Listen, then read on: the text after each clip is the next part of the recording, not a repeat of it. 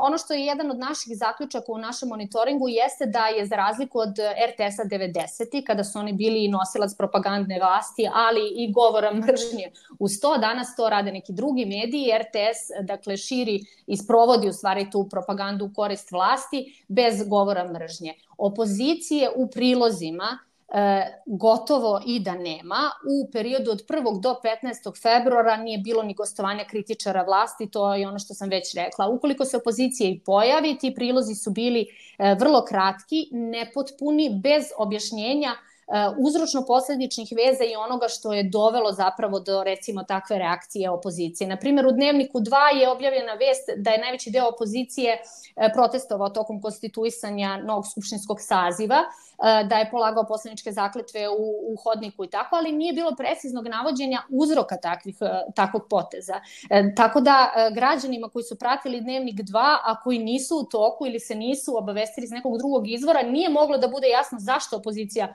polagala zakletvu u, u hodniku, recimo. Emitovane su tada kratke izjave pojedinih predstavnika opozicije, ali, kažem, bez nekog objašnjenja, nekog šire konteksta. Uoči konstituisanja Narodne skupštine, RTS je imao znate kako, one kratke najave tog događaja, ali apsolutno nije bilo nikakvog konteksta, nije bilo pominjanja post izborne krize, nije bilo pominjanja toga da će deo opozicije verovatno da bojkotuje ili, dakle, ništa, da deo opozicije smatra da je došlo do izborne krađe, ništa nije pominjano.